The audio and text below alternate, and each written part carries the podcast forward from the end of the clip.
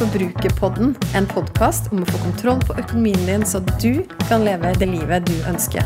Jeg heter Kjersti Grønseth, er trebarnsmor og økonom, og er kanskje aller best kjent som forbrukerfrue. La oss snakke litt om forbruk, for alt starter med det.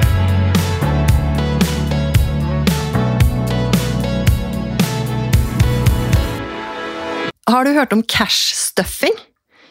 Ja, Hvis du er på TikTok, så kan det hende at du har plukka opp trenden der. Eller hvis du leser Bergens Tidende eller Dine penger, så kan det hende du nylig har lest om det der også. Hva i alle dager er cash-stuffing? Det skal jeg komme inn på i denne episoden, sammen med temaet feriepenger og ærlige prioriteringer. Det er det jeg har tenkt å dele med deg i denne episoden. Og som vanlig så blir det en kombinasjon av refleksjon fra meg og litt deling også fra mitt eget liv, og der jeg er om dagen. Ok, La oss ta det her med cash-stuffing. da. Det er ikke så lenge siden jeg hørte det som begrep, og selvfølgelig ble jeg nysgjerrig på det. Og Hvis du da er en av de som har lest Bergens Tidende i mai, så har du kanskje fått med deg historien om Jorunn, en bestemor på 62, som betaler ned gjeld og skaffer seg full kontroll på økonomien med å bruke nettopp cash-stuffing som metode. Og hva er det for noe? Jo, en gang i måneden så tar hun ut et bestemt beløp i kontanter. Og så beskriver hun at hun bruker et såkalt nullbasert budsjett, hvor alle pengene hennes har fått en spesifikk oppgave og en spesifikk konvolutt. Jorunn forteller da i denne artikkelen i Bergens Tidende at jeg forteller pengene hvor de skal gå, i stedet for å spørre hvor de gikk hen, sier hun. Og når jeg leser det her, så koser jeg meg jo litt, da. Og du som har hørt på Forbrukerpodden, eller fulgt meg i sosiale medier de siste tre, begynner snart å bli fire åra, du har kanskje hørt om begrepet kontofest. Og det er jo nettopp det som er så genialt med cash-stuffing. Det er jo den gode, gammeldagse konvoluttoppfølginga med å ta ut penger og fordele de på ulike formål. Men det er jo det også kontofest gjør. Det eneste forskjellen er at du slipper å ta ut kontanter. Nå virka det på meg som at Jorunn hun får også utløp for en del kreativitet hun når hun sitter og tegner på disse konvoluttene og skriver på formål og sånn sett lager sitt eget system. Og Det kan jeg forstå, det kunne jeg også kost meg med. Men nå er det nå engang sånn at det for ganske mange begynner å bli relativt upraktisk å gå rundt med mye kontanter, og mange foretrekker heller å følge opp økonomien litt mer digitalt. Så Dermed kontofest egentlig bare en digital versjon av cash-stuffing. Og hvorfor er jeg så fan av de her enkle, superenkle metodene? Jo, det handler jo om å sette opp et system, om det er konvolutt eller om det er en konto, som du gir et navn, og den dagen du får lønn, så går du da sånn som Jorunn, enten i banken og tar ut kontanter, eller sånn som jeg gjør, og veldig mange av dere gjør allerede, setter en fast overføring på lønningsdag til de her ulike kontoene. Og da har jo du, akkurat som Jorunn, bestemt deg for å gi alle pengene et formål og bestemme hvor de skal gå, istedenfor at lønna forblir på lønnskontoen, og du bruker den i løpet av måneden, og så ser du i etterkant ok, hva, hva var det som skjedde med de pengene. Jeg er veldig fan av et sånt enkeltsystem. Jeg har tro på at når du på forhånd har bestemt deg, for det er jo det som er noe av trikset her Du har sett på helheten i din økonomi, og hva er det som er viktig for deg å prioritere akkurat nå? Og så har du bestemt deg for å sette opp faste overføringer i tråd med det. Og så kommer oppfølginga, fordi når du da har en konto som heter mat, der det står 7000, 8000, 10 000, alt avhengig av hva som er ditt matbudsjett, så er jo utfordringen din resten av måneden å holde deg til det budsjettet. Og i praksis, så f.eks. når det gjelder mat, så handler jo det om å gjerne dele det på fire, eller kanskje litt mer, fordi at det er litt mer enn fire uker i en måned, for å da se hvor mye har du å handle for i uka. Og på den måten så kan du også følge med på den kontoen på slutten av uka. Hvor mye er det som står igjen? Gikk det etter planen denne uka her? Må jeg justere? Må jeg gjøre noen grep? Og så har jeg veldig tro på, og når det gjelder, spesielt når det gjelder det forbruket som du kan styre litt opp og ned La oss si at du har bestemt deg for å ha en konvolutt, eller en konto, da, som heter Mine lommepenger. Og der overfører du la oss si 2000 kroner hver eneste måned. Det er dine penger, de har du bestemt deg for å bruke på bare nyte livet, bruke det på akkurat det som betyr mest for deg. Da er jo utfordringen til deg gjennom måneden å kunne følge med, og hvis du ser at etter hvert når du har begynt å bruke, du koser deg gjennom måneden, drikker din favorittkaffe, du kjøper deg kanskje et eller annet klesplagg eller en ting til hjemmet, så ser du da etter hvert at kontoen kanskje begynner å bli tom, og da er jo utfordringen til deg og fortelle deg sjøl at du ikke har mer igjen å bruke i lommepenger akkurat den måneden. Og Det kan jo høres veldig strengt og begrensende ut, men det her handler jo om å sette det inn i den større sammenhengen. For når du har fått oversikt over alle dine inntekter og ser på hva du må betale av levekostnader, hva du ønsker å sette av til å sikre økonomien din på lang sikt, og kanskje også på litt kortere sikt med å ha en god buffer, f.eks., så veit jo du hva du har igjen til å nyte, drømme og gi i løpet av en måned. Og når du da står der i øyeblikket og tenker at eh, det var kjipt at lommepengebudsjettet mitt var tomt, så er det faktisk mulig å minne deg sjøl på hvorfor du gjør det. Og at hvis du har bestemt deg for at kredittkort ikke er et alternativ for deg, så er det jo egentlig bare å vente til neste måned. Og det jeg tror skjer over tid med de 2000 kronene i lommepengebudsjett, la oss fortsette å bruke de som eksempel, er jo at du blir ganske sånn ivrig på å få maks ut av akkurat de tusenlappene. Så det betyr at når du står overfor et kanskje mindre planlagt og mer impulsivt kjøp som du vurderer å gjøre, så vil det etter hvert danne seg en sånn stemme i bakhodet ditt som sier ok, jeg har så og så mye igjen, det her kjøpet vil føre til at jeg har så og så mye igjen, er det verdt det, også med tanke på det andre jeg vet jeg kommer til å få lyst til å kjøpe eller bruke penger på av opplevelser resten av måneden. Så kontofest det handler altså, i likhet med det Jorunn sier, om å fortelle pengene dine hvor de skal gå, i stedet for å spørre hvor de gikk. Det er du som har tatt kontrollen over din økonomi. Og jeg vet at mange tenker at det her er super basic, men det er jo i nettopp sånne situasjoner som det hun var i, der hun skulle betale ned det hun sjøl kalte smågjeld. Det tipper jeg var litt sånn forskjellige kredittkort, kanskje noen forbrukslån her og der, vet ikke helt hennes situasjon. Så er det jo ekstremt effektivt, for da, har du, da må du legge noen begrensninger på deg sjøl. Jeg tenker at Det er ikke så ulikt den situasjonen som veldig, veldig mange av oss er i akkurat nå der vi står overfor økning i de faste levekostnadene våre, mange av oss. Så til det da, så finnes det jo verktøy, enkle verktøy, som kan hjelpe deg også å planlegge. Jeg har f.eks. en budsjettmal som jeg kan linke til i beskrivelsen av episoden her, eller du kan gå inn på forbrukerfrue.no slash budsjett, så vil du finne den malen. Og i den malen, den er jo sånn noe du kan bruke til å få førstegangs oversikt over inntekter og utgifter, og fordele på ulike poster. Og så kan du bruke det til å lage deg kontofest i nettbanken. Det jeg pleier å gjøre, er å oppdatere denne malen hver gang jeg har endringer enten i inntekter eller i utgifter.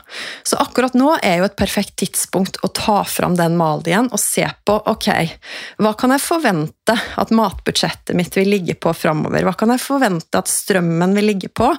Og ikke minst, hva kan jeg forvente at rentekostnadene mine vil ligge på nå framover, som de er i ferd med å øke? Jeg liker også å bruke den malen her til å simulere liksom framtidig økonomi. Jeg har laget meg ulike faner i den samme malen, som du også kan få tilgang på.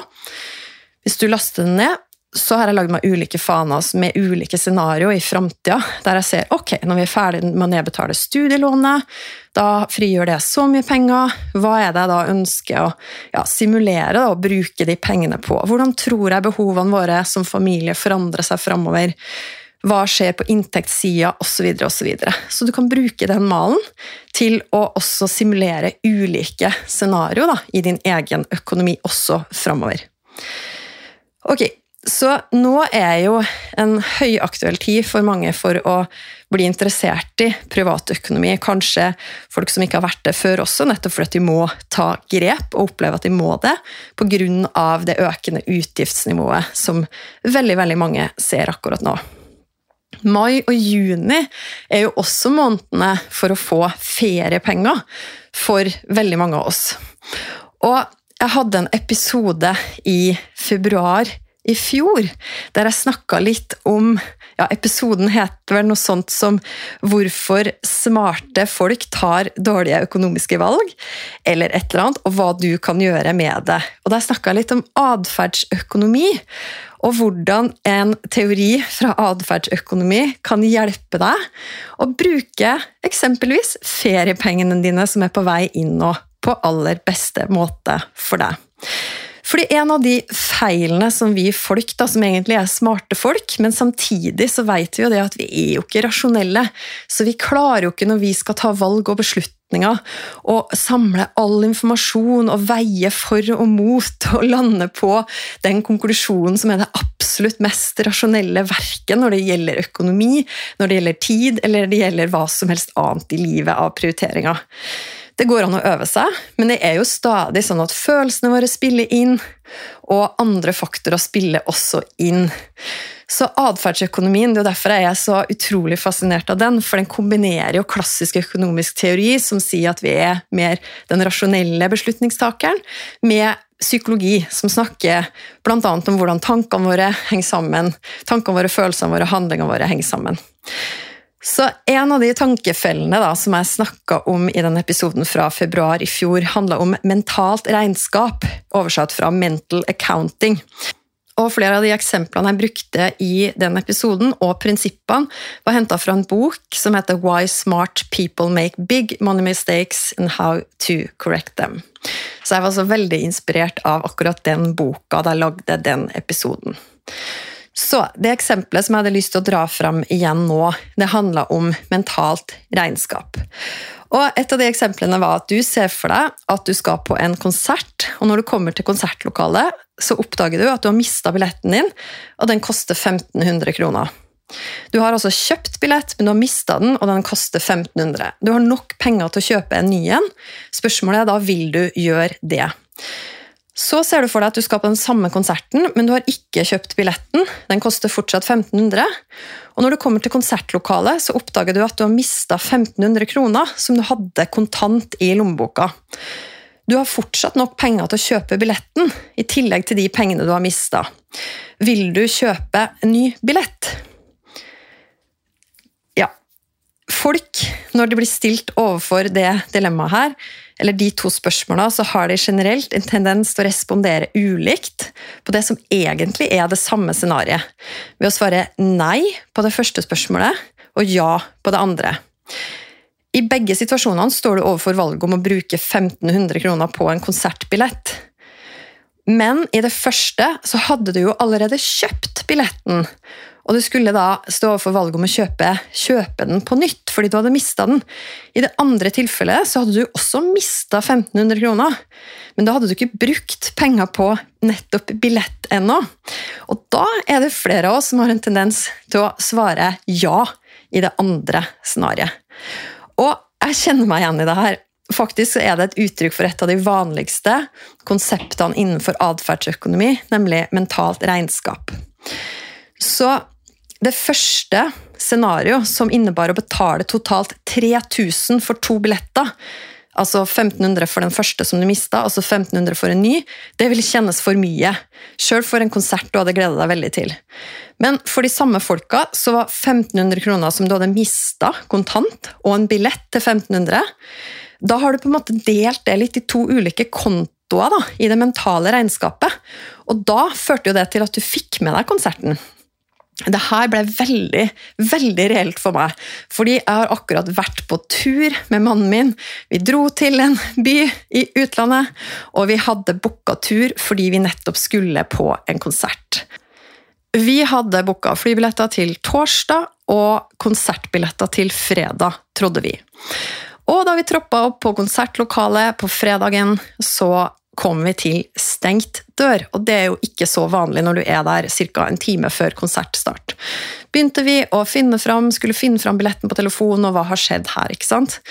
Og så viste det seg da Først så trodde vi da at vi hadde miksa dag, at vi skulle på den konserten som var på samme sted dagen etter.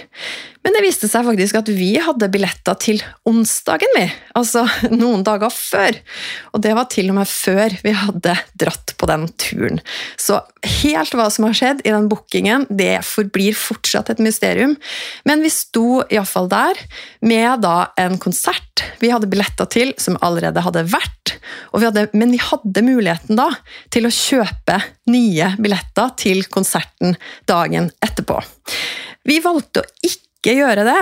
Og det var bl.a. fordi at vi allerede hadde lagt planer den lørdagen som vi også hadde betalt noen penger for. Så jeg kjente at det satt veldig langt inne da å skulle få med meg den konserten, og begynte å tenke at ok, men det her blir en veldig veldig dyr konsert.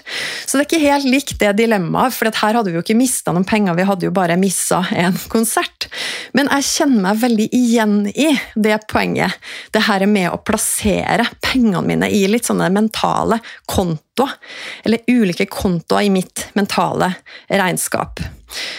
Og så kan det jo være sånn, da, for å koble det her til feriepengene, da, siden jeg innleda med det Spørsmålet til deg er da Tenker du ulikt om den lønna som du får inn på konto hver eneste måned, og feriepengene du får én gang i året?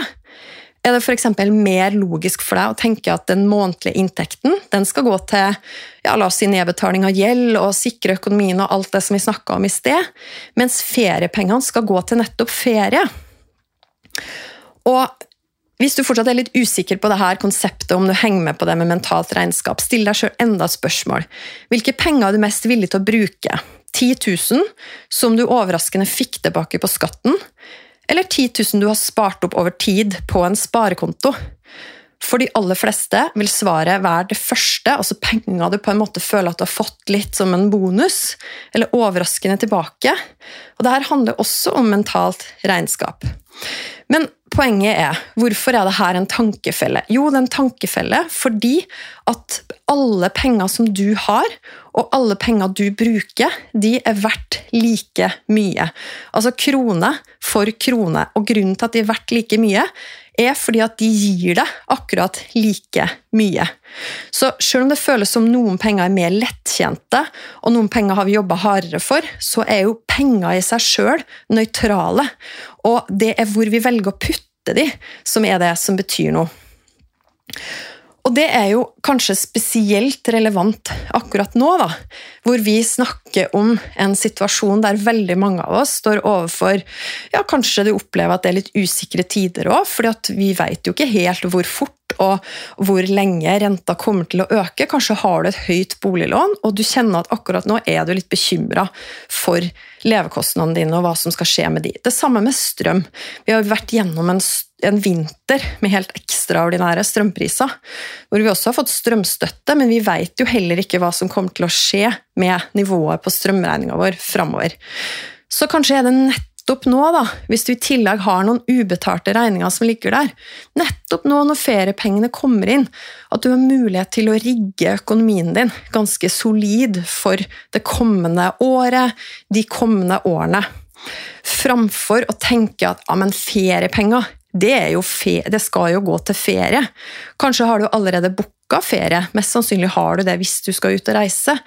Men kan det være sånn da at hvis du har de feriepengene som kommer inn nå, hvis de litt sånn default ville gått til å bare bruke ubegrensa på ferie, kanskje kan du ta noe av det og så sette det på i, legge det i en konvolutt, sånn som Jorunn, eller sette det på en egen bufferkonto, kanskje til og med en egen strømbuffer til neste vinter. Ok, Jeg kom også over en interessant artikkel på forskning.no fra 8. mai. Og der, Overskriften der var at kjøpegleden forsvinner når økonomien er trang. Og det er ny forskning da som viser at hvis du tenker at du burde brukt pengene annerledes, så ødelegger det gleden du kunne fått ved å kjøpe noe nytt. Og nå i det siste tida så er det jo veldig mange økonomer altså, som har vært ute og uttalt seg i media. Det var jo mye styr rundt det her Vedum-budsjettet og mye kritikk rundt det. Og hva kommer egentlig til å skje med vanlige norske familiers økonomi framover? Og mange er jo ute og snakker om at ja, vi må, det blir trangere nå. Vi kommer til å måtte redusere kanskje noe av den litt mer ubegrensa handlefriheten som veldig mange av oss har hatt ganske lenge, med lave renter osv. Og så, i den eh, artikkelen, så, så, diskuterte de litt det her at i og med at vi er jo ganske godt vant da, med det lave, relativt sett lave utgiftsnivået vi har hatt de siste åra, så skulle man kanskje tro at det ble vanskelig for oss å spare inn. Men ny forskning viser altså at det ikke er gøy i det hele tatt å kjøpe seg ting når du samtidig står overfor en krevende økonomisk situasjon. Fordi det er noen forskere da, ved Duke University som uttaler seg i den saken om at følelsen av økonomiske begrensninger gjør at folk tenker tilbake på kjøpene sine og vurderer og funderer på om det ikke var noe bedre de burde brukt de pengene på. Og Det er også kjent som et økonomisk begrep som heter alternativkostnad, eller opportunity cost på engelsk.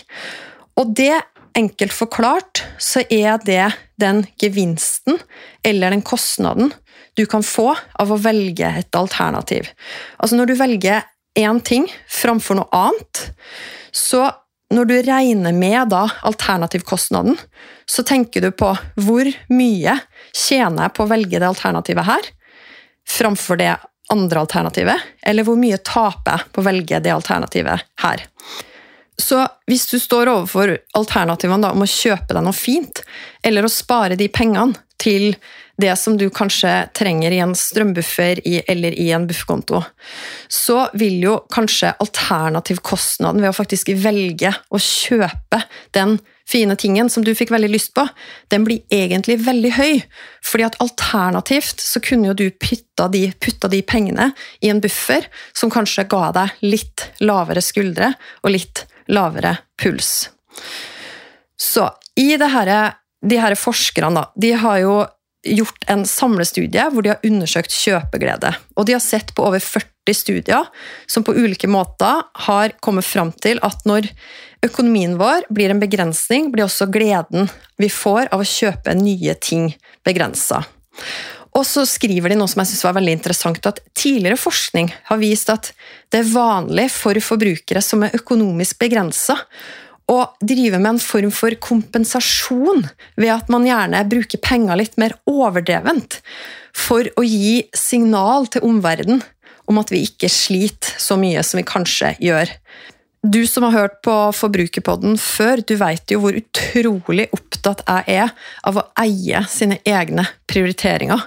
Men jeg har full respekt for og forståelse for at jo mer krevende økonomisk situasjon man er i, jo mer krevende er det også å skulle ordentlig eie det. Da. Fordi det så fort kan snike seg inn tanker om at du ikke kan vise situasjonen din sånn som den faktisk er.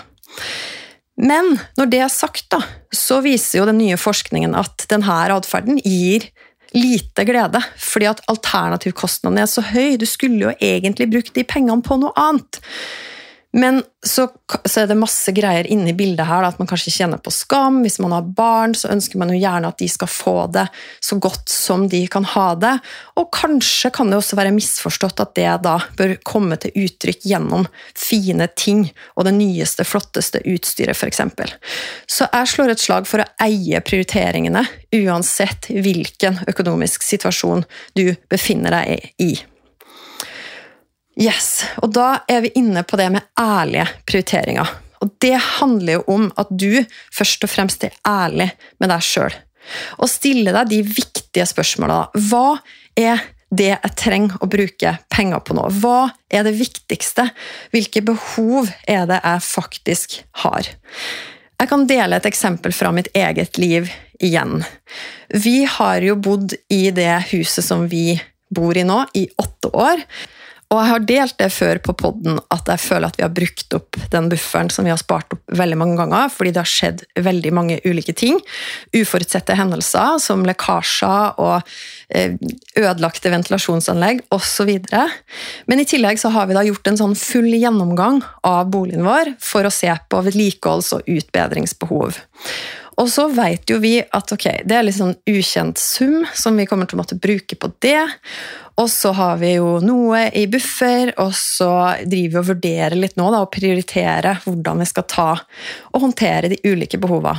Samtidig så merker jo jeg at det fort også sniker seg inn en del ting som jeg har veldig lyst til å gjøre, inkludert uteområdet utafor huset. Fordi at eh, vi fikk noen spennende ideer, forslag til hva vi kunne gjort.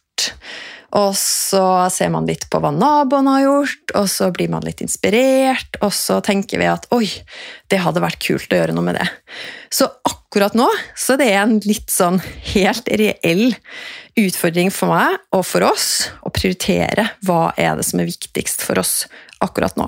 Og da må vi også tenke her på at det finnes helt reelle behov som vi har, og så finnes det andre ting som kanskje er mer i kategorien ønska. Og så får vi ha den dialogen, da, mannen min og jeg, først og fremst. Setter opp oversikten, får full innsikt i hva de ulike tingene koster. Og så må vi gjøre god, gammeldags prioritering. Kanskje vi tar noe nå. Det som er kritisk, det må vi uansett prioritere. Og det er det jeg vil, da, at du også skal ta de typer Kanskje har du helt andre eksempel enn det jeg har.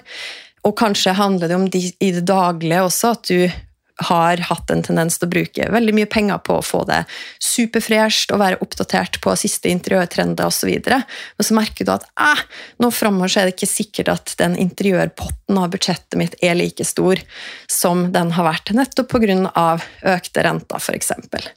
Og da er det jo veldig viktig at du tar denne sjekken med deg sjøl. Hva er det som er mine prioriteringer? Ja, det er kjedelig å måtte betale mer i faste levekostnader enn det å kunne nyte livet. Det er det åpenbart. Men det gjør det ikke mindre viktig, og problemet forsvinner ikke, sjøl om du skulle ønske at det ikke var sånn. Og mitt et av mine aller beste verktøy for å ha sånne ærlige prioriteringssamtaler, det er jo det her med økonomidate. Ha det gjerne som en fast del av kalenderen din, gjerne en fast dag i måneden, hvor du, eller du sammen med partneren, du som er i et forhold, setter dere ned, ser på tall, snakker framover og finner ut av noen ærlige prioriteringer sammen.